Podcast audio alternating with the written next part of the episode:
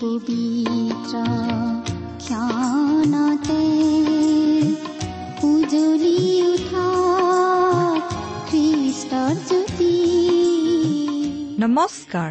আমাৰ মৰমীয়াল প্ৰভু যীশুৰ মহান নামেৰে আপোনাক এয়া ভক্তিবচন অনুষ্ঠানলৈ আদৰিছো।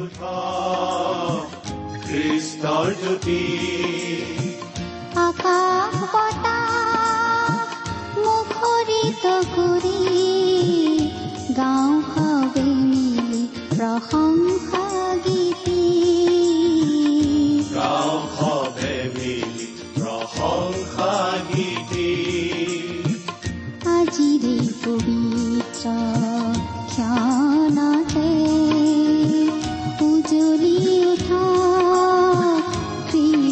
জ্যোতি ঈশ্বৰে আপোনাক যি অসীম প্ৰেম কৰিলে তাক যদি অনুভৱ কৰিব বিচাৰে আৰু তেওঁৰ অগম্য বাক্যৰ মৌ মিঠা সোৱাদ ল'ব বিচাৰে তেন্তে আহক আজিৰ ভক্তিবচন অনুষ্ঠানটো মনোযোগেৰে শুনো।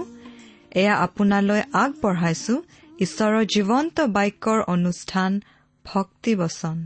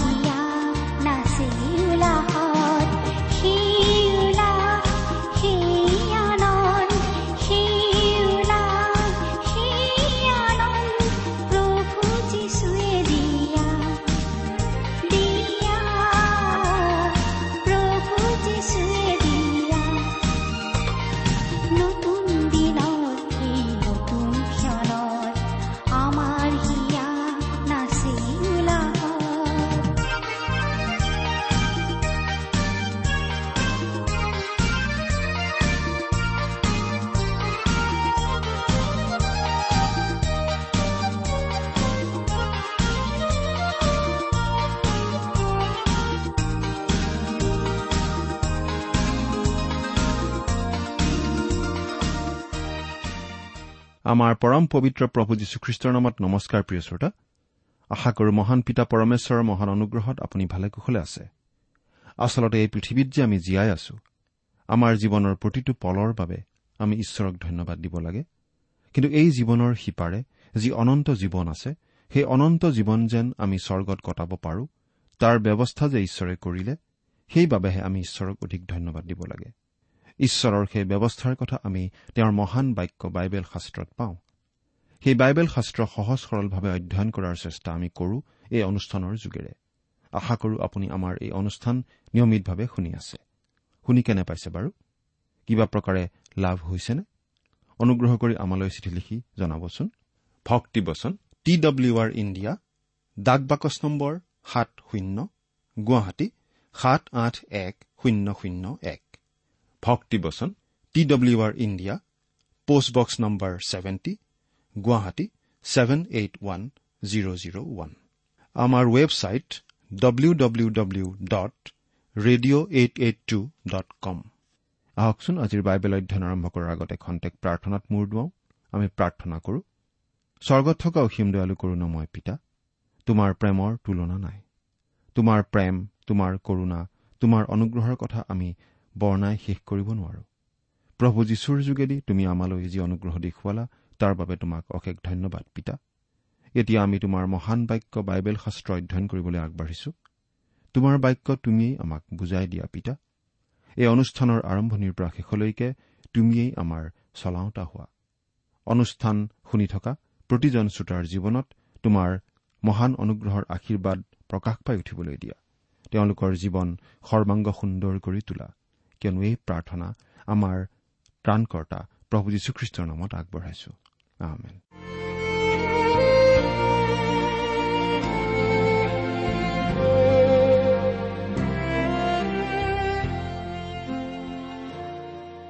প্ৰিয় শ্ৰোতা আপুনি বাৰু আমাৰ এই ভক্তিবচন অনুষ্ঠানটো নিয়মিতভাৱে শুনি আছেনে? আপুনি যদিহে আমাৰ এই অনুষ্ঠানটো নিয়মিতভাৱে শুনি আছে তেনেহলে আপুনি নিশ্চয় জানে যে আমি এতিয়া বাইবেলৰ নতুন নিয়ম খণ্ডৰ ইব্ৰীবিলাকৰ প্ৰতি পত্ৰ নামৰ পুস্তকখন অধ্যয়ন কৰি আছো। নহয়নে বাৰু?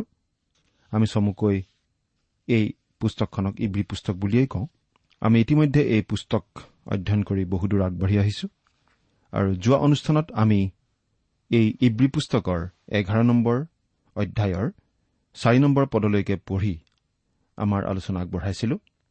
আজি আমি এঘাৰ নম্বৰ অধ্যায়ৰ পাঁচ নম্বৰ পদৰ পৰা আমাৰ আলোচনা আৰম্ভ কৰিব খুজিছো। ইব্ৰী পুস্তকখন হৈছে এখন চিঠি ই এখন তত্বমূলক পুস্তক। আৰু ইয়াৰ যোগেদি আজি আমি শিকিবলগীয়া অনেক কথা আছে। আপুনি বাৰু আপোনাৰ বাইবেলখন মেলি লৈছেনে?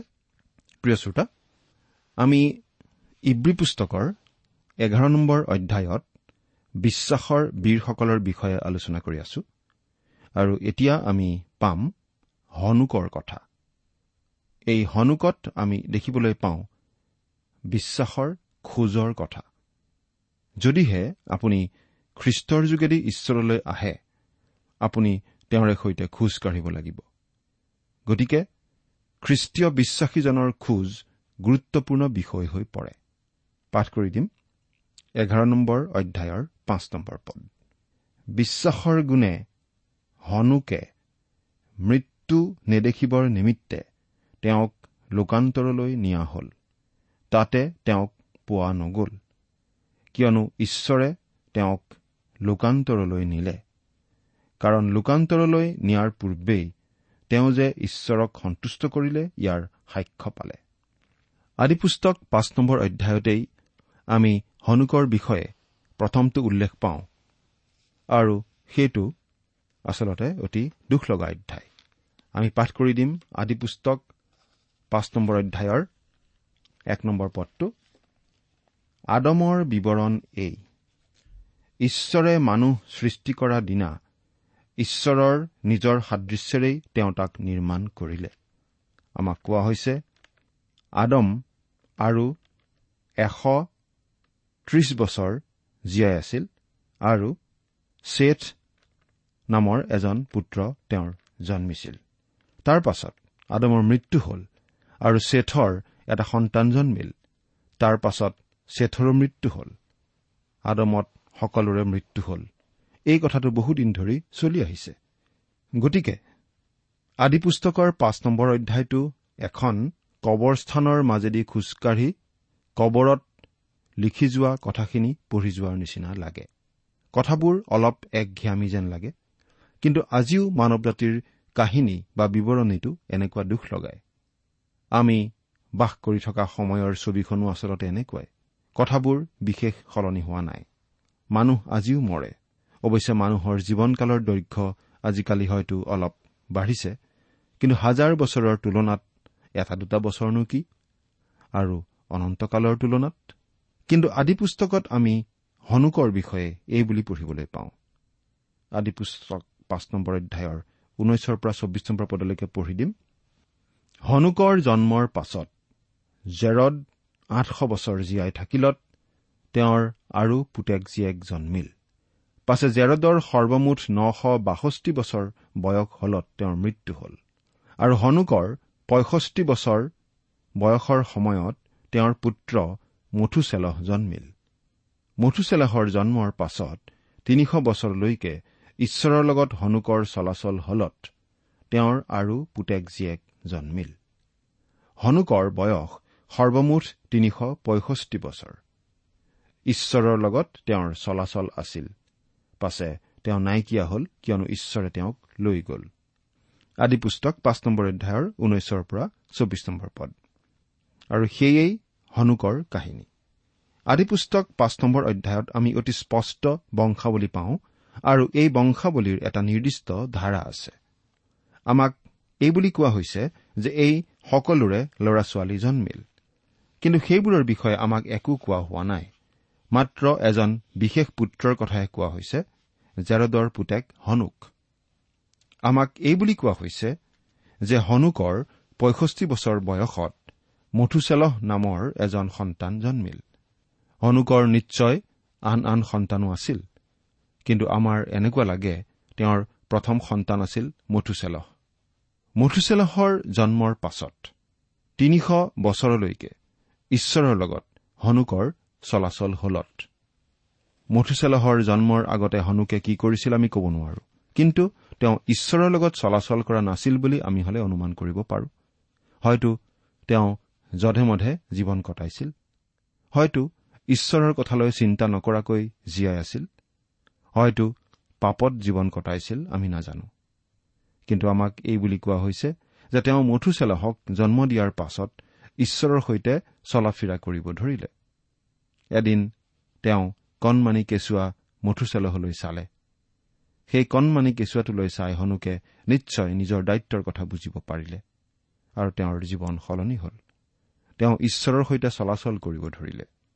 প্ৰিয় শ্ৰোতা ঘৰত নতুন কেঁচুৱা এটাৰ আগমনে যদি আপোনাৰ জীৱন ধাৰণৰ প্ৰণালী সলনি কৰিব নোৱাৰে তেনেহলে আন একোৱেই কৰিব নোৱাৰে। আনকি গীৰ্জাঘৰৰ প্ৰচাৰক শিক্ষকজনে কোৱা কথায়ো আপোনাৰ ওপৰত ইমান প্ৰভাৱ পেলাব নোৱাৰে। কিন্তু এই কণমানি কেঁচুৱাবোৰে ঈশ্বৰৰ বিষয়ে আমাক একোটা বিশেষ ধৰণে কথা কয় যদিও মুখেৰে একো নকয়। কিন্তু সকলো পিনৰ পৰাই যেন কেঁচুৱাবোৰে আমাক কথা কয়। সেই কথাবোৰ ইমান সতেজ যেন লাগে আৰু কিবা নহয় কিবা প্ৰকাৰে সিহঁতে আমালৈ ঈশ্বৰৰ পৰা এটা বাৰ্তা আনে। নিশ্চয় মধুচালেহেও হনুকলৈ তাকেই কৰিছিল আৰু হনুকৰ জীৱন সলনি হৈছিল। বিৱৰণীত আমি এইটো পাইছো যে মধুচালহৰ পাছত হনুকৰ আৰু বহুতো ল'ৰা ছোৱালী জন্মিল কিন্তু বিৱৰণীয়ে হনুকৰ মৃত্যুৰ কথা আমাক নকয়। মন কৰক পাছে তেওঁ নাইকিয়া হল কিয়নো ঈশ্বৰে তেওঁক লৈ গ'ল। হনুকত আমি দেখা পাওঁ বিশ্বাসৰ চলন ফুৰণ। ইব্ৰীপত্ৰৰ লিখকজনে কৈছে বিশ্বাসৰ গুণে হনুকে মৃত্যু নেদেখিবৰ নিমিত্তে তেওঁক লোকান্তৰলৈ নিয়া হল। তাতে তেওঁক পোৱা নগল কিয়নো ঈশ্বৰে তেওঁক লোকান্তৰলৈ নিলে। কাৰণ লোকান্তৰলৈ নিয়াৰ পূৰ্বেই তেওঁ যে ঈশ্বৰক সন্তুষ্ট কৰিলে ইয়াৰ সাক্ষ্য পালে। তেওঁৰ চলন ফুৰণে ঈশ্বৰক সন্তুষ্ট কৰিছিল কাৰণ তেওঁ চলিছিল বিশ্বাসেৰে। তেওঁ ঈশ্বৰক বিশ্বাস কৰিছিল আৰু যেনেদৰে চলিলে ঈশ্বৰ সন্তুষ্ট হয় তেনেদৰে চলিছিল। তাৰ পাছত ঈশ্বৰে তেওঁক লৈ গ'ল। তেওঁৰ মৃত্যু নহল। কিন্তু তেওঁক পৰিৱৰ্তিত কৰি লৈ যোৱা হ'ল। আচলতে মানুহক এনেদৰে পৃথিৱীৰ পৰা উঠাই লৈ যোৱাৰ এয়েই প্ৰথম ঘটনা আমি বাইবেলত পাওঁ। তেওঁক এই পৃথিৱীৰ দৃশ্যপটৰ পৰা আঁতৰাই উত্তোলিত কৰি লৈ যোৱা হ'ল। ইয়াত আমি আমাৰ বাবে শিকিবলগীয়া কথা পাওঁ। বহুতে ভাবে খ্ৰীষ্টীয় মণ্ডলী মহাক্লেশৰ সময়ছোৱাৰ মাজেৰে পাৰ হ'ব লাগিব আৰু উদাহৰণস্বৰূপে তেওঁলোকে নোহলৈ আঙুলিয়ায়। কিন্তু নোহে খ্ৰীষ্টীয় মণ্ডলীক প্ৰতিনিধিত্ব নকৰে। কিন্তু মহাক্লেশৰ সময়ত ৰক্ষা পৰিবলগীয়া লোকসকলকহে নোহে প্ৰতিনিধিত্ব কৰে। ঈশ্বৰে তেওঁলোকক বচাব। তেওঁলোক কোন? তেওঁলোক হ'ব ইছৰাইল জাতিৰ এক লাখ চৌৰাল্লিছ হাজাৰজন আৰু অসংখ্য পৰজাতীয় লোক। কিন্তু তেওঁলোক খ্ৰীষ্টীয় বিশ্বাসীৰ সমষ্টি অৰ্থাৎ মণ্ডলীৰ অংশ নহয়। প্ৰকাশিত বাক্যত আমি পাওঁ যে পৃথিৱীত মহাক্লেশৰ ধুমুহা বোলাৰ আগতে আৰু সেই চাৰিজন অশ্বাৰোহীৰ আগমন ঘটাৰ আগতে ইছৰাইল জাতিৰ এক লাখ চৌৰাল্লিছ হাজাৰজন আৰু অসংখ্য পৰজাতীয় লোকক চাব মৰা হ'ব। এওঁলোককেই প্ৰতিনিধিত্ব কৰে নোহে। প্ৰিয় শ্ৰোতা ঈশ্বৰে আপোনাক মহাক্লেশৰ সময়ছোৱাত নিৰাপদে ৰাখিব পাৰে তেওঁ সমৰ্থ। কিন্তু ঈশ্বৰে আপোনাক নিৰাপদে ৰাখিব পাৰে নে নোৱাৰে সেইটো প্ৰশ্ন উঠা নাই। কিন্তু ঈশ্বৰে কি কৈছে সেইটোহে আচল কথা। তেওঁ কৈছে যে মহাক্লেশৰ আগতে এই পৃথিৱীৰ পৰা তেওঁ খ্ৰীষ্টীয় বিশ্বাসীসকলক উঠাই লৈ যাব। ফিলাডেলফিয়াৰ মণ্ডলীক তেওঁ কৈছে এইবুলি পাঠ কৰি দিছো। তুমি মোৰ ধৈৰ্যৰ কথা পালন কৰাত যি পৰীক্ষাৰ কাল পৃথিৱী নিবাসীবিলাকক পৰীক্ষা কৰিবৰ কাৰণে গোটেই জগতৰ ওপৰলৈ আহিবলৈ উদ্যত আছে সেই কালৰ পৰা ময়ো তোমাক ৰক্ষা কৰিম। প্ৰকাশিত বাক্য তিনি নম্বৰ অধ্যায়ৰ দহ নম্বৰ পদ। পৃথিৱীখন কোন সময়ত পৰীক্ষাত পেলোৱা হ'ব? নিশ্চয় সেই মহাক্লেশৰ সময়ত। অসংখ্য পৰজাতীয় আৰু যিহুদী লোকক ৰক্ষা কৰা হ'ব। আৰু নোহে তেওঁলোককেই প্ৰতিনিধিত্ব কৰে। আনহাতে হনুকে প্ৰতিনিধিত্ব কৰে খ্ৰীষ্টীয় মণ্ডলীক। হনুক মহাপ্লাৱনৰ মাজেৰে পাৰ হ'ব লগা হোৱা নাছিল। তেওঁক উঠাই লৈ যোৱা হৈছিল। তেওঁ সেই জাহাজত নাছিল। ঈশ্বৰে তেওঁক জাহাজত ৰাখিব পাৰিলেহেঁতেন। কিন্তু ৰখা নাছিল। তেওঁ হনুকক সেই মহাপ্লাৱনৰ সময়ত নিৰাপদে ৰাখিব পাৰিলেহেঁতেন কিন্তু ঈশ্বৰে তেওঁক স্বৰ্গলৈ উঠাইহে লৈ গ'ল। খ্ৰীষ্টীয় মণ্ডলীৰ ক্ষেত্ৰতো ঈশ্বৰে তাকেই কৰিব আৰু হনুকে খ্ৰীষ্টীয় মণ্ডলীকেই প্ৰতিনিধিত্ব কৰে। বিশ্বাসৰ গুণে হনুক লোকান্তৰিত হ'ল। কোনো এটা কথা এটা ভাষাৰ পৰা আন এটা ভাষালৈ অনুবাদ কৰাৰ নিচিনাকৈ হনুকক এই জগতৰ পৰা আনখন জগত অৰ্থাৎ স্বৰ্গলৈ লৈ যোৱা হয়। আৰু এদিন খ্ৰীষ্টীয় মণ্ডলীৰ ক্ষেত্ৰতো সেইটোৱেই হ'ব। খ্ৰীষ্টীয় মণ্ডলী মানে হৈছে খ্ৰীষ্টীয় বিশ্বাসী লোকসকলৰ সমষ্টি। হনুকৰ নিচিনাকৈ তেওঁলোকেও বিশ্বাসেৰে ঈশ্বৰৰ লগত চলাচল কৰে আৰু এদিন তেওঁলোককো ঈশ্বৰে স্বৰ্গলৈ উঠাই লৈ যাব। আৰু তাকে কৰিবলৈ এদিন প্ৰভু যীশু এই পৃথিৱীলৈ আহিব। পাঠ কৰি দিছো। প্ৰথম থিচলনিকীয়া চাৰি নম্বৰ অধ্যায়ৰ ষোল্ল আৰু সোতৰ পদ। তাত লিখা আছে কাৰণ জয়ধ্বনি প্ৰধান স্বৰ্গদূতৰ মাত আৰু ঈশ্বৰৰ তুৰিবাদ্যে সৈতে প্ৰভু নিজে স্বৰ্গৰ পৰা নামি আহিব আৰু খ্ৰীষ্টৰ আশ্ৰয়ত মৰা লোকবিলাকেই প্ৰথমে উঠিব। পাছে আমি জীৱিত থকা অৱশিষ্ট লোকবিলাক আকাশত প্ৰভুৰ লগ ল'বলৈ তেওঁবিলাকে সৈতে মেঘ ৰথত তুলি নিয়া হ'ম। এতিয়া আমি ইব্ৰী এঘাৰ নম্বৰ অধ্যায়ৰ ছয় নম্বৰ পদটো চাওঁ। কিন্তু বিনা বিশ্বাসেৰে ঈশ্বৰক সন্তুষ্ট কৰা অসাধ্য। কিয়নো ঈশ্বৰ যে আছে আৰু তেওঁ যে তেওঁক বিচৰা লোকৰ পুৰস্কাৰ দিওঁতা হয় ইয়াকে তেওঁৰ ওচৰলৈ চপা মানুহে বিশ্বাস কৰিব লাগে। বিনা বিশ্বাসে ঈশ্বৰক সন্তুষ্ট কৰা অসাধ্য। হনুকে ঈশ্বৰক সন্তুষ্ট কৰিছিল। কেনেকৈ? বিশ্বাসেৰে। প্ৰিয় শ্ৰোতা আমি যদি ঈশ্বৰে কোৱা পথেৰে তেওঁত বিশ্বাস কৰি তেওঁলৈ নাহো তেন্তে তেওঁক নিশ্চয় আমি সন্তুষ্ট কৰিব নোৱাৰিম। ঈশ্বৰ যে আছে আৰু তেওঁ যে তেওঁক বিচৰা লোকৰ পুৰস্কাৰ দিওঁতা হয় ইয়াকে তেওঁৰ ওচৰলৈ চপা মানুহে বিশ্বাস কৰিব লাগে। এই পত্ৰখনত পুৰস্কাৰৰ কথা খুব কোৱা হৈছে কাৰণ ইয়াত খ্ৰীষ্টীয় জীৱনৰ ওপৰত গুৰুত্ব আৰোপ কৰা হৈছে। কিন্তু পৰিত্ৰাণ পুৰস্কাৰ নহয় কাৰণ পৰিত্ৰাণ হৈছে ঈশ্বৰে দিয়া বিনামূলীয়া উপহাৰ।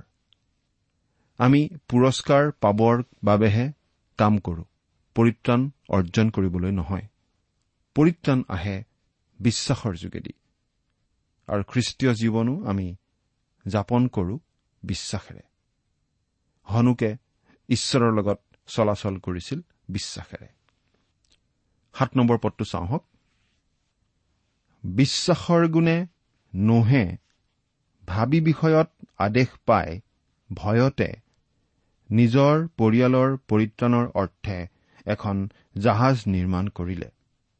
আৰু তাৰ দ্বাৰাই জগতক দোষী কৰি নিজে বিশ্বাসমূলক ধাৰ্মিকতাৰ অধিকাৰী হ'ল। হেবলে দেখুৱালে বিশ্বাসৰ পথ। হনুকে দেখুৱালে বিশ্বাসৰ খোজ। আৰু নোহে আমাক দেখুৱাই বিশ্বাসৰ সাক্ষ্য। বিশ্বাসৰ গুণে নোহে। নিজৰ পৰিয়ালৰ পৰিত্ৰাণৰ অৰ্থে। বহুতে কয় যে নোহে এশ বিছ বছৰ প্ৰচাৰ কৰি এজনকো জয় কৰিব নোৱাৰিলে।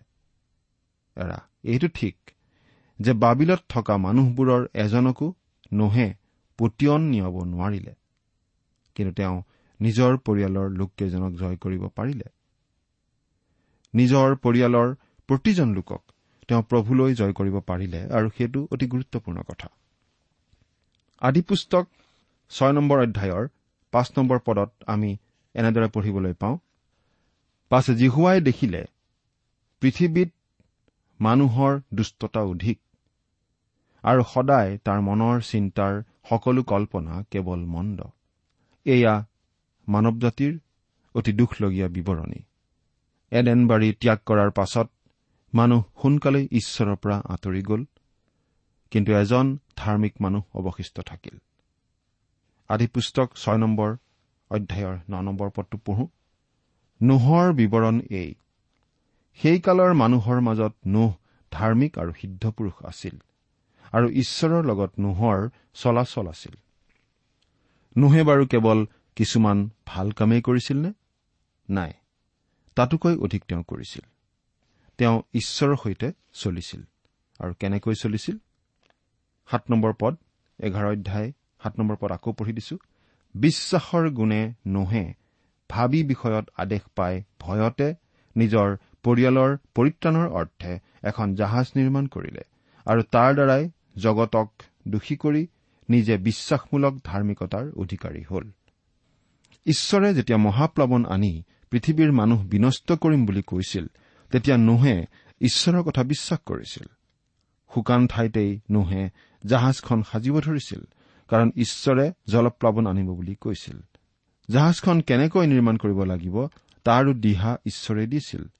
দীঘলে তিনিশ হাত বহলে পঞ্চাছ হাত আৰু তিনিশ হাত ওখ। তাত মাত্ৰ এখনেই খিৰিকী নাছিল। আমি আদিপুস্তক ছয় নম্বৰ অধ্যায়ৰ ষোল্ল নম্বৰ পদটো পঢ়োচোন তাত আমি কি পাওঁ? জাহাজত খিৰিকী কৰিবা আৰু ওপৰে এহাতৰ জোখে তাক কৰি অঁতাবা আৰু জাহাজৰ কাষত দুৱাৰ ৰাখিবা। আৰু প্ৰথম দ্বিতীয় তৃতীয় এনে তিনিতলাকৈ তাক নিৰ্মাণ কৰিবা। জাহাজখন আছিল তিনিখলপীয়া। নোহে বনোৱা সেই জাহাজখন চাই মানুহবোৰে হাঁহিছিল। কাৰণ সেইখন বৰ আচৰিত ধৰণৰ জাহাজ আছিল। তাতে আকৌ শুকান মাটিত বনোৱা জাহাজ। সেই সময়ত বয়সীয়া ডেকাবোৰে নিশ্চয় পিতাকৰ পৰা আঁতৰি গৈ নিজা নিজা ব্যৱসায় আৰম্ভ কৰিছিল। কিন্তু কি কাৰণে নোহৰ তিনি পুতেক চেম হাম আৰু জেফত ঘৰলৈ উভতি আহিছিল আমি ক'ব নোৱাৰো। হয়তো নোহে সেই জাহাজ নিৰ্মাণ কৰি থকা খবৰটো শুনি তেওঁলোক আহিছিল। আৰু নোহে ঈশ্বৰক বিশ্বাস কৰি সেই কাম কৰাটো বুজি তেওঁলোক নিশ্চয় দেউতাক নোহৰ ওচৰলৈ আহিছিল। তেওঁলোকে নিশ্চয় নোহক সেই কাম কৰাত সহায় কৰি দিবলৈ আগবাঢ়ি আহিছিল। তেওঁলোকৰ দেউতাক নোহ অতি ধাৰ্মিক মানুহ আছিল। তেওঁলোকৰ দেউতাক নোহ সদায় সৎপথত চলিছিল। কেতিয়াও মিছা কথা নকৈছিল। সেই কথা তেওঁলোকে জানিছিল। সেইবাবে নোহে সঁচাকৈয়ে ঈশ্বৰৰ নিৰ্দেশমতেই সেই কাম কৰা বুলি তেওঁলোক পতিয়ন গৈছিল। এৰা চিন্তা কৰি চাওকচোন। নোহৰ জীৱনটো আছিল সঁচাকৈয়ে সাক্ষ্যপূৰ্ণ জীৱন। প্ৰিয় শ্ৰোতা আমি কৰিব পৰা সকলোতকৈ দৰকাৰী কামটো হৈছে নিজৰ পৰিয়ালৰ আগত সাক্ষ্য দিয়া। কেৱল খ্ৰীষ্টৰ শুভবাৰ্তা মুখেৰে অনাবৰতেই কৈ থকাৰ দ্বাৰা নহয় কিন্তু সেইটো জীৱনৰ জৰিয়তে প্ৰকাশ কৰি সেই বিশ্বাস যে আমাৰ জীৱনত বাস্তৱ সেইটো প্ৰদৰ্শন কৰি। এবাৰ এগৰাকী মহিলাই এজন বিখ্যাত প্ৰচাৰকক কলেহি মহোদয় ঈশ্বৰে মোকো প্ৰচাৰক হবলৈ আমন্ত্ৰণ জনোৱা বুলি মোৰ অন্তৰত এটা বিশ্বাস উপজিছে। তেতিয়া সেই প্ৰচাৰকজনে সুধিলে আপুনি বিবাহিতানে? মহিলাগৰাকীয়ে হয় বুলি কলে। প্ৰচাৰকজনে সুধিলে ল'ৰা ছোৱালী কিমানটা? মহিলাগৰাকীয়ে কলে পাঁচটা। তেতিয়া প্ৰচাৰকজনে কলে খুব ভাল কথা। ঈশ্বৰে আপোনাক প্ৰচাৰক হবলৈ আমন্ত্ৰণ জনাইছে আৰু লগতে আপোনাক শ্ৰোতাও দিছে। আপোনাৰ ল'ৰা ছোৱালীকেইটিয়েই আপোনাৰ শ্ৰোতা। প্ৰিয় শ্ৰোতা আপুনি প্ৰচাৰক হয় বা নহয় আমি নাজানো। কিন্তু যদিহে আপুনি ঈশ্বৰৰ সন্তান আৰু যদিহে আপোনাৰ পৰিয়াল এটা আছে তেনেহলে সেই পৰিয়ালটোৱেই আপোনাৰ শ্ৰোতা।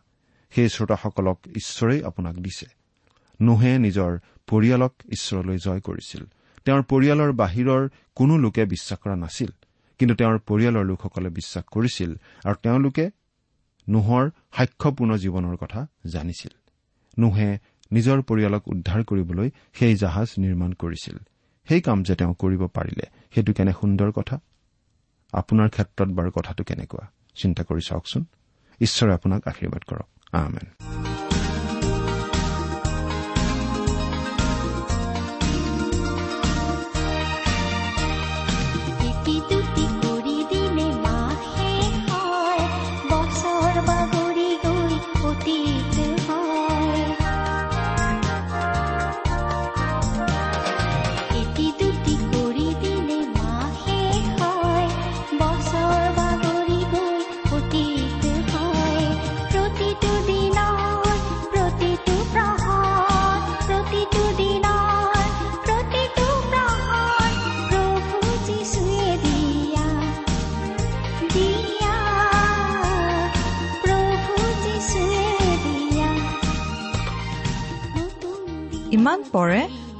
ভক্তিবচন অনুষ্ঠানটি শুনিলে। অনুষ্ঠানটি শুনি কেনে পালে আমালৈ চিঠি লিখি জনাবচোন। অনুষ্ঠানত প্ৰচাৰ কৰা কোনো কথা বুজিব লগা থাকিলেও আমালৈ লিখক। আমাৰ ঠিকনা ভক্তিবচন টি ডাব্লিউ আৰ ইণ্ডিয়া ডাক বাকচ নম্বৰ সাত শূন্য গুৱাহাটী সাত আঠ এক শূন্য শূন্য এক। ঠিকনাটো আৰু এবাৰ কৈছো ভক্তিবচন টি ডাব্লিউ আৰ ইণ্ডিয়া ডাক বাকচ নম্বৰ সাত শূন্য গুৱাহাটী সাত আঠ এক শূন্য শূন্য এক। আপুনি ইমেইল যোগেৰেও আমাৰ সৈতে যোগাযোগ কৰিব পাৰে। আমাৰ ইমেইল আইডিটো হৈছে Assamese T TV at radio' eight eight two dot com. আইডিটো আকৌ এবাৰ কৈছো। Assamese T TV at radio' eight eight two dot com. আপুনি টেলিফোনৰ মাধ্যমেৰেও আমাক যোগাযোগ কৰিব পাৰে। আমাৰ টেলিফোন নম্বৰটো হৈছে শূন্য তিনি ছয় এক দুই ছয় শূন্য চাৰি ছয় সাত এক। ফোন নম্বৰটো আকৌ এবাৰ কৈছো zero' three six one two six zero' four six seven one. আজিৰ অনুষ্ঠানটি ইমানতে সামৰিছো। ঈশ্বৰৰ শান্তি আৰু অনুগ্ৰহ আপোনাৰ লগত থাকক। ধন্যবাদ।